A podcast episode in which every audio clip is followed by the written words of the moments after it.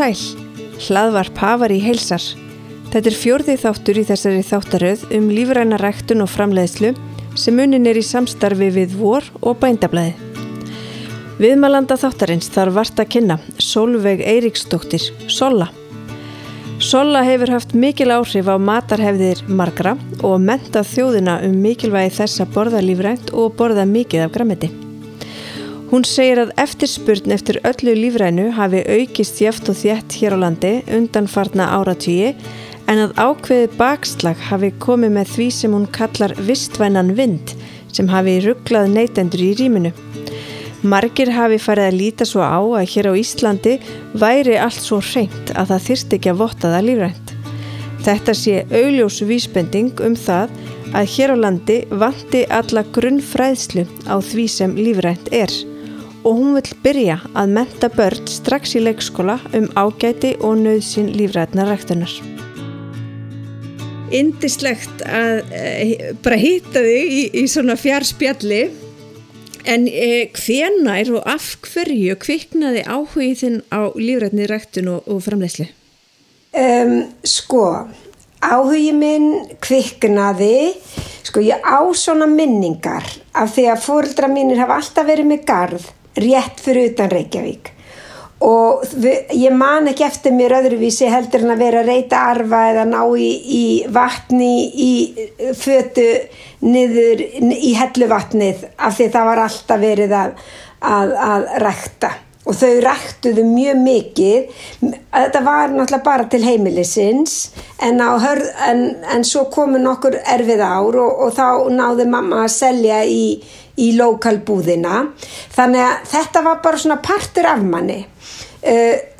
ég vaknaði til vitundar um lífrannaræktun þegar ég flytt til Kaupmannahafnar. Ég er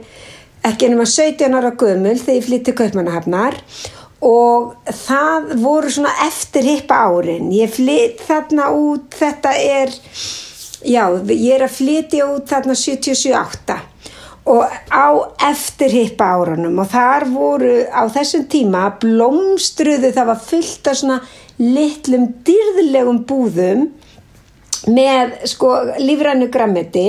og danir voru svona að byrja að stíga sín fyrstu skref í að lífrænt væða uh, landbúnaðin sinn. Þannig að maður fekk að vera þar með frá byrjun og maður fekk að sjá svona alla umræðu. Og ég var svona lítil hippastelpa, þetta, þetta heitlaði mig svo mikið, allt þetta heimasaumaða, uh, já bara lykt eftir hippa árana fylgdi vitin á manni og hérna og þar byrjaði ég svona að sjá í samfélagsumræðunni og þetta var mjög skemmtilegt af því það var verið að segja, það var, var verið að byrja að tala um áhrifin að rækta bara lífrænt versus þessa hefðbundnu ræktun og áhrif á farvatn, áhrif á umhverfi, áhrif á svo margt. Og á þessum tíma var líka mikið byrjaða að, að hérna sortira og flokka og endurvinna. En það var alltaf allstaðar þar sem að var voru lífrænir hérna, litli lífrænir hópar að það, þar, mér fannst þetta eitthvað bara, þetta var eitthvað svo fallegt og þetta klingdi eitthvað hérna innra með mér og síðan ef ég sé að það náttúrulega rekur sig aftur til hvers ég var alin upp við. Þannig að ég er svona þegar ég breytum mataræði uh, 19 það er 1980 sem að ég tek þá svona það stóra skref að breyta alfarið yfir í, í plöntu fæði að þá þá reyndi ég að hafa það sem mest lífrænt. Að því ég hugsa ég vil ekki bara fara að, að hérna, breyta einhverja breytingavegna en ég vildi þá gera það svona aðeins víðara og hafa svona ringin starri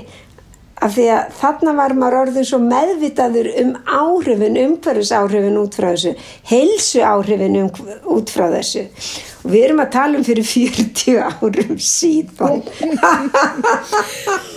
Og þú hefur náttúrulega, þú komst svolítið með þetta, ein af, ein af þeim sem að svona, já, bara byrjuði að menta okkur hérna á Íslandi um ágæti lífrætnaræktunar. Hvernig finnst þér, bara finnst þér margt að breyst á þessum 40 árum? Hefur, hefur eitthvað breyst hérna? Sko, uh, það sem að mér hefur fundist hafa breyst er að, það var sérstaklega svona á tímum, það var komu svona tímabill, þar sem að ég myndi segja að þanga til fyrir svona, hvað ég segja, þrem, fjórum árum síðan ég ætla að hafa ekki verið svolítið með einhverjum korsko en það er bara þannig að þá fannst mér svona stígandi, fallegur stígandi í því lífræna vöru úrvali sem að við áttum hérna á Íslandi. Aðgengi var allt ótrúlega gott og fallegt og, og ég náttúrulega með mína lífrænu vörulínu og hérna en, en það, hefur, það, það hefur ekkert með þetta að gera. Við náttúrulega bara þú veist, mað, maður kaus að fara þar og, og til þess að gera sitt. En það sem ég fannst alltaf sita svolítið á hakanum og fannst vera svolítið sorglegt hvaða voru fáir bændur sem í alvörunni náðu að fara að þóra að fara að feta þessa leið Og það er, tölfræðin mitt sýnir það, þetta er ekki nema já, rétt um 1% bænda sem eru með lífræna vottun. Hefur, e, e, hefur eitthvað svona kenningu um af hverju, af hverju þetta er svona? Af hverju við erum svona langt á eftir til dæmis stönnum? Já, sko, ég hef alveg mína smá kenningu og mín kenning er svo að á einhverju tímabili að þá var, þá kom upp uh, svo umræða að við þyrtum ekki að hafa þetta lífrænt á Íslandi að þetta væri svo reynd og gott, reynd vatn, reynd loft og þetta væri raun og veru vistvænt sem að enginn vissi raun og veru alveg hvað var en það var eitthvað bara svona Ísl, það, þannig að svona íslenskt vistvænt hafði það náði einhvern veginn að sá þessum fræjum í vitund okkar að við þyrstum ekki að fara í þetta lífrana að þetta vist, íslenska vistvæna væri alveg á pari. Og það virðist vera svolítið ennþá. Já, já, ég, sko, ég held að þarna hafi þetta svolítið svona byrjað. Af því að fram að þeim tíma að það voru sko eins og sólimar í Grímsnesi voru að gera ótrúlega eh, voru að gera sitt. Náttúrulega Guðfinnur í skafthaldi, vinnu minn, indislegu sem að bara gera stórkostlega hluti og hefur alltaf gert. Og mér langar einmitt að segja eilítið frá því sem hann sagði mér. Og svo náttúrulega sko hérna svo voru náttúrulega hjónin á agri og þess, það var svona ákveðin gerjun og það var svona að fara í réttar áttir þá kannski allt í hennu komið sér vind, vistvæni vindur og rugglað alla. Þetta, ég, ég held í alvörunni að þetta hafi verið svolítið þannig. En ég man einhvern tíma var ég heimsækja Guðfinn og, og það var svo fallegt sem hann sagði mér og hann var að segja við mig að sko hann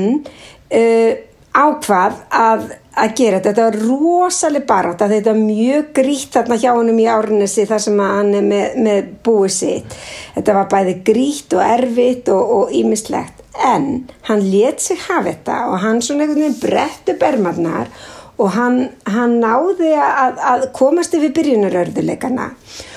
síðan ákvaðan sem að mér fannst svo fallegt og það þessi saga, hann fór að segja hann ákvað að rækta sitt eigið skeppnufóður hafa það lífrænt og rækta onni alla skeppnirnar hann sagði, það tók mig tíu ár að ná að vera sjálfbær með skeppnufóður þannig að það væri rétt blanda af höfrum og smára og ég man ekki hvað hann var að segja einhverjum svona júrtum sem að gerða verkum að, að skeppnirnar hans voru að fá allt sem þær þurftu. Um, það var hleyið að honum í byrjun og núna hann sagði að uh, fóðurkostnaðin hjá honum var alltaf 14 sinnu minni. Fyrir utan að þetta var sko, hann var sjálfbær notaði sitt eigi land meða við þar sem bændunir í kring voru, voru að borga honni sitt þetta fannst mér svo merkilegt og ég hugsaði af hverju? Sko erum við svolítið, e, það stundum eins og mér finnir svolítið langt í common sense takkan á okkur. Mm -hmm. þetta er bara svolítið heilbrið skinnsemi þú getur rækta þetta sjálfur þetta er mikið betra, þetta er lífrænt rækta og þetta er allir með minnan á sagt 14 sinnum það getur vel verið að það hafi ekki verið nema 10 sinnum en, en það er ansi mikið og bara virkilega áhugavert já, að taka þetta með inn í, inn í rekningstæmið já, svona inn í formúluna bara. Já. Að hérna, já, það verður áhugavert að, að hérna sannreina þessa tölus já, nákvæmlega. En finnst þér, einmitt, þú ert með þína eigin, eigin línu himnest já Um, þannig að þú svona hefur náttúrulega fylst vel með finnst þér eftirspurnin eftir, eftir lífrænu hafa aukist eða eitthvað eða stendur hún bara í stað? Sko, hún jógst hægt og sígandi og mið stundum bara tók hún alveg rókur og, og stundum var svona en það var alltaf upp á við þar til í raun og veru að sko fyrstu áhrifin byrja ég að sjá þegar Costco hérna nefnur land. Uh, ég, ég er ekki að dæma um, um dæma Costco um, að neinu leiti en það var samt sem áður það stór biti að það fóru sko að í staðin fyrir að, að eins og í mínu tilfelli að því ég er í samstarfu með högum með þessa línu að sko að í staðin fyrir að þessi litlu gæluverkefni eins og þetta var sem ég fannst vera virkilega fallegt gæluverkefni hjá þeim að hérna af því að svo styrtum við alltaf eitthvað góða málstað og, og, og, og annars líkt að ég fann að það var eitt af því eðlilega sem að fyrst þurfti að svona aðeins að íta til hliðar og setja fókusin á ymsa aðra hluti það ásamt því að svo fann ég fyrir því að þegar veganismin fóra að, að hérna að uh, svona eigilega spíti lóana eða, eða, eða þegar hann fór að blómstra segjum það uh, að þá svona uh, fannst manni að að það hafði áhrif af því að allt í einu sko skipti ekki máli að það væri lífrænt, heldur það skipti máli að það væri vegan. Og ég held að við erum eitt af þeim löndum sem að fundum mest fyrir þessu um, af því að, að því ég, ég er náttúrulega búin að vera á plöntufæði í 40 ár og, og og, og fagnaði því að það færi fleiri í þær áttir en mér fannst svolítið miður að það fór að koma inn þetta með að, að það skipti ekki máli sko þetta það aðalmáli sem skipti var að með ekki dýrin skiluru en og svona dýrin fengu meira fókusin heldur en við mannfólkið sem að ég hef alveg hérna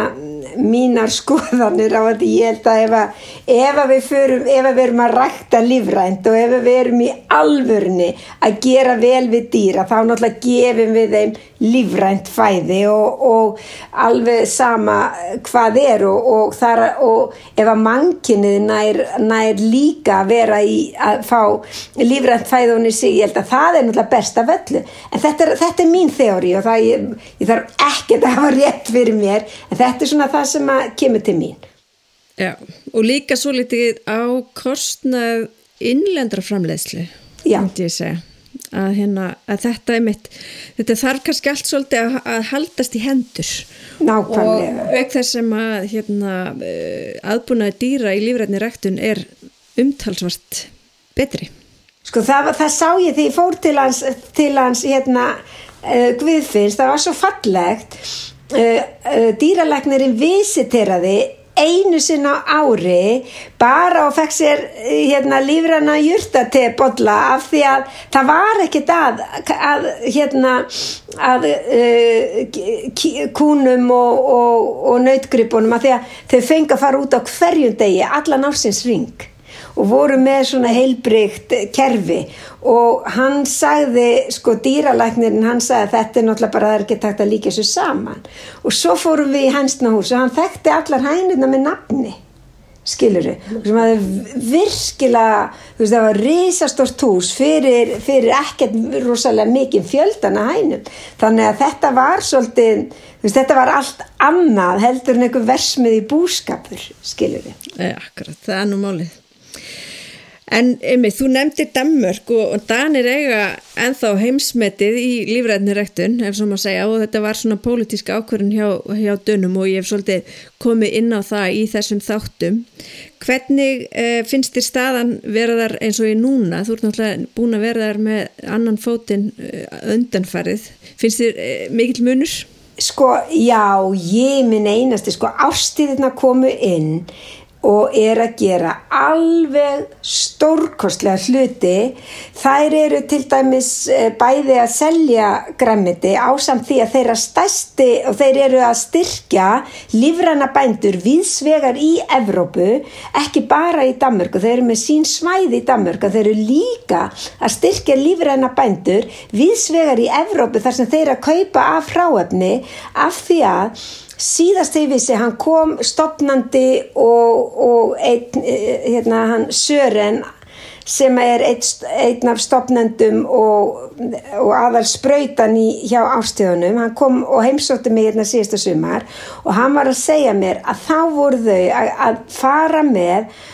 80.000 matapakka á viku inn, í, inn á heimili í, í Danmörku og þeir voru með likla að yngöngum og það var allt 100% lífrænt. Wow þetta var svo stórkoslegt en þess að við, við, við náum alltaf ekki að framleiða honi þetta sjálfur þannig að við þurfum. Og ég fór á heimsóttu vöruhúsi þeirra og það var með ólíkindum og, og það sem hann saði þetta skipti máli, hann hafði svo mikið ná á fræbanka. Og hann, hann var í, í einhverjum hérna, samskiptum við einhverja nörda, fræja nörda út um allan heim til að til að fá fræ og, og gera tilraunir og að lappa um tilrauna agur, vitið það? Við fannst við komum bara í paradís og litlu vassmilónu gurkurnar ásamt sko bara öllu saman. Og hann var svo hrifin að þessi miðaldra íslenska kona ég bara, ég gjör samlega þú veist, ég, ég komst við að þetta í alvörunni væri í gangi og svo voru þið alltaf með námski og við deildum svo mörgum áhamálum að því að, að því eitt er að rækta og svo þarfstu líka að geima það og hvað gerir og, og, og ég er alveg nuð því að eldhúsinu hjá, hjá mömmu var breytt í, í síru versmiðju eða súrkáls og þú veist að því hún sírði meiri eða minna allt sem hún ræktaði fyrir utan það sem hún fristi sko. Og hérna og, hann, og það, hann að þau voru með námskeiði í að síra og þau tók alltaf skólakrakk og voru að kenna þeim. Af hverju lífrænt? Hvaða máli skiptir það fyrir heilsuna, fyrir jörðina, fyrir heildina, fyrir dýrin? Þú veist það er svo fallegt hérna, það er svo fallegt sjónarhort og það er svo mikið fræðslustar sem þeir ná að gera í kjölfarið. Þetta, þeirra mikla starf gerði það verkum að við opnuðum, þegar við vorum opnuðum glóð, þá fórum við samstarf við þá. Og við vorum einna fyrstu svona skyndibittastöðunum, ég held að fyrsti í Danmörku, af því við erum ekki að tala um Nóma og við erum ekki að tala um alla þessar flottu staði sem voru, eru lífrænir, en við vorum lífræn og fengum gullmerkið bara eh, mjög fljóðlega og Dani gefa merki. Og það er svo skemmtilegt. Við fengum gullmerki og þá þarf þetta að vera 95% pluss lífræn og við vorum eina af þeim fyrstu sem fengu það. Og þeir gáttu út við okkur allt saman, það skipti engu máli hvað var. Og, og það sem að þeir voru með líka, þá voru þeir með mannesku sem að aðstóðuðu mig við að aðlaga uppskriftinnar það var ekki eitthvað til. Þannig að þeir voru líka með alveg ótrúlega fallega þjónustu fyrir okkur hérna sem viðskiptavinnina Þannig að þetta var svona upplifun og í kjölfarið þá ákvaðum við að gera tilrun á Íslandi. Og við ákvaðum að í sex mánuði var ég með allt sem ég gæt lífrænt á gló. Og það vissi þetta enginn að því í Danmörku er það slíkt að ef þú ert með 95 pluss lífrænt þá færðu gullmerkið. Ef þú ert með 80 pluss þá færðu silfurmerkið. Ef þú ert með sko, þú gafst fengið 50 ég held að það hefði verið 50 eh, það voru allavega einhver fjögustig við, við náðum að vera með svona millir 60-70% en við máttum ekki auglýsa þetta sem lífrænt að við vorum ekki með allt lífrænt. Og þá sá maður að við vorum svo eftirbátar í bara kerfinu sem slíku. Og þetta var rosalega við þurftum að votta panta allt og við, þú veist, þetta var bara svo mikið pappisvinn og þetta var svo mikið vesen að það eina sem við ákomum við hugsaum, ok, það fá bara neytandirnir okkar, hún viðskiptavinnirnir okkar, fá bara að njóta þess að við séum all lífræn og það sem að gerist í kjölfari sem er mjög skemmtilegt að segja frá að ég fann inn mann, maður sem að var að flytja allt inn fyrir okkur að hann sko að sami og, og flytur inn fyrir brauð og kó og brauð og kó er, er lífrænt og, og það má kannski bæta því við að maðurinn minn var einn af stopnendum brauð og kó og ég var þarna bara á hliðalínni og hérna svo seldum við okkur út úr því svo við getum farið til Danmarkur en sko þessi maður, hann var að flytja þetta allt inn fyrir okkur og svo þegar við urðum að hætta samstarfinu sam við ástíðirnar af því að þetta var bara út dýst af því að við gátt náðum ekki að koma skilabóðunum út þannig að af því ef að þú ert með 100% lífrænt eða eins og við vorum með svona 70% lífrænt myndi ég segja og jafnvel þegar best let fór þau upp í svona 80% að þegar maður fær það auðvitað þarf maður að láta vita af því og, og, og þú veist það er ekki nóg að að því að svo voru svo margir sem hugsuði já þú veist þetta er svona græmiti og það er auðvitað bara svona lífrætt er fólk það svona tekið hugmyndin um það valda svo grunnfræðsluna um hvað lífrætt er. En það sem að gerist í framhaldinu að, þessi, að við, við höldum áfram að, að með stóran hluta ætlum við ekki haldið áfram með svona 40% að þurr efnunum sem við erum að nota lífræn, við fengum kókosmjólk í 20 lítra svona kartoni lífrænt og það var engin ólífrænt sem gæti toppa það skiluru, við erum með pasta, við erum með tómata niður svona, við erum með fullta hlutum sem við erum enþá að nota þar lífrað og það var bara því að í magninu og með réttu hugafar og með þessi maður hann er bara svona inflytjandi fyrir okkur og hann er ekki að leggja eh, veist, hann er bara einirski eða þeir eru þarna bræðurnir eða feðgarnir. Þannig að við gátum náða að halda þessu og erum ennþá að, að, að ég myndi giska á að í dag væri við svona kannski 30% pluss lífræn. En við megum ekki segja frá því að því að mm. það er umhverfið þess þannig Einmitt, það er svolítið, einmitt að, svolítið synd af því að það er náttúrulega alveg heiðalegt að segja að við erum 30% uh, lífran og það er líka svo hvetjandi fyrir fólk til að stíga út í þetta því að það er náttúrulega erfitt svona í byrjun og sérstaklega líka ef þú vilt stiðja þá við íslenska framleiðslu sem er þá náttúrulega alls ekki nægilega mikil til að, uh, til að það sé nóg. Þannig að þú þarf alltaf að, að koma með eitthvað utan að koma til ráfni þannig að einmitt, þetta er, við hvetjum um, tún til hugsamálið Já og ég held að það sem þau þurfa bara að gera þeir þurfa bara að ákveða að gera einhverja stefnu til að hjálpa uh, veitingastöðum og öðrum, öðrum þeim sem er að nota þessar vörur og vilja láta vita af því að, að hjálpa þeim að, að sko hafa svona, stig, svona treppu vottun Það er stórt nefnt En það, einmitt, átti að vera uh, loka spurningi mín. Ertu með einhverja ráð eða kvartningu um hvernig við aukum meðvitund enn frekar um mikilvægi alls sem er lífrænt? Sko, ég er með sem, ég á mig svona draum og hann er sá að við komum inn í leikskólakerfið, við byrjum þar og svo komum við, höldum við áfram í skólakerfinu að það verði sett upp allavega eitt gróðurhús allavega eitt gróðurhús. Uh, það þarf ekki endilega að ganga uh, all, alltaf fyrir ramagni það má líka vera bara eitthvað sem að þar sem að krakkar byrja strax að að, að, það, verði, það, að það sé sapnögur þannig að við byrjum að kenna þeim hvernig við moldin er búin til úr matarafgöngunum og úr þessu. Og síðan að vera með, með ræktun sem er engungu lífræn. Þó svo að það, get, að það, svo að það sé eiginlega bara ratísur og grænkál og eitthvað svona sem auðvelt er að gera.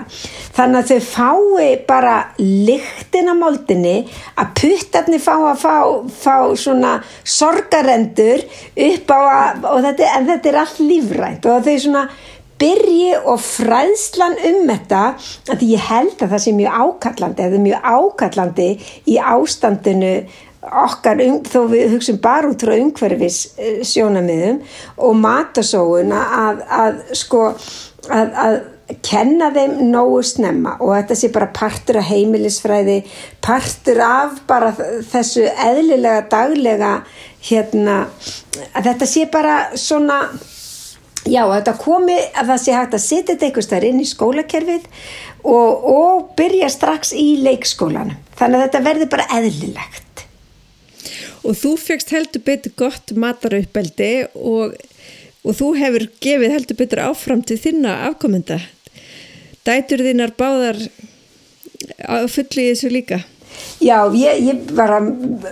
maður hugsa bara maður svo ótrúlega heppin en það sem er svo skemmtilegt enda á að segja að þegar ég er að, að, að sko alastu upp að þá uh, saði pappi mér að amma mín og nafna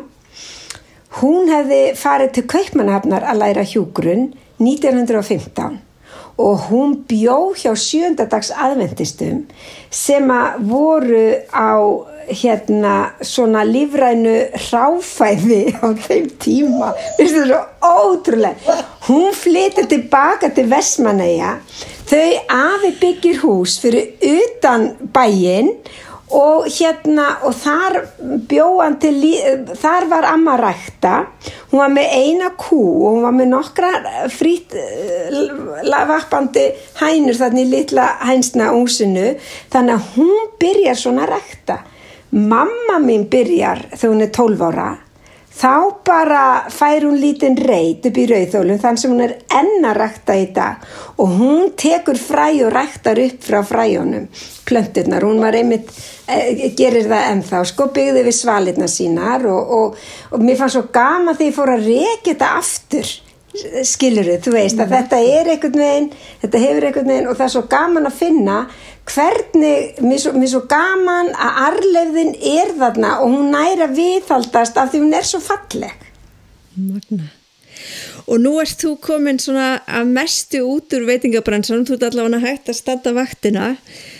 Er þetta þá næsta skref? Er þetta ekki raugreitt skref að fara að verða bara lífræðin garðiskipúndi?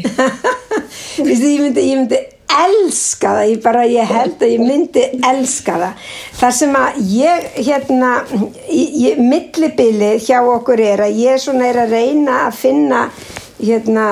við settum á stofn svona vefsíðu ég og dóttir minna því okkur vant, fannst vanta svona eitthvað meira að lífrænum svona og gæða hlutin sem að fólk ofta á tíðum það sem ég elska hafa að þú hafir alltaf valið skiluru, þú getur valið að fara í að hafa lífrænt á andlitið og kroppin að þið skiluru, og það þurfi ekki allir að fara þá strax, en ég er, ég er svona, hérna, ég á mér einmitt draum um að, um að enda einhver tíma, einhver stað gömul með sömu moldin undir höndunum og, og, og barnabönnin á leikskólanum. Ég þér í mat Ég hakk á spagetti og ég sitt og kertin brenna á mig gæt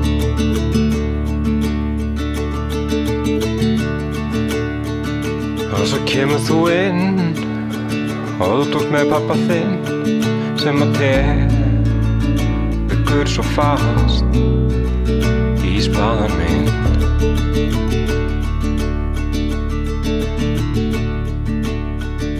Hverra manna er þú? Spyr hann og skýtur að mér Blá. Köldum augum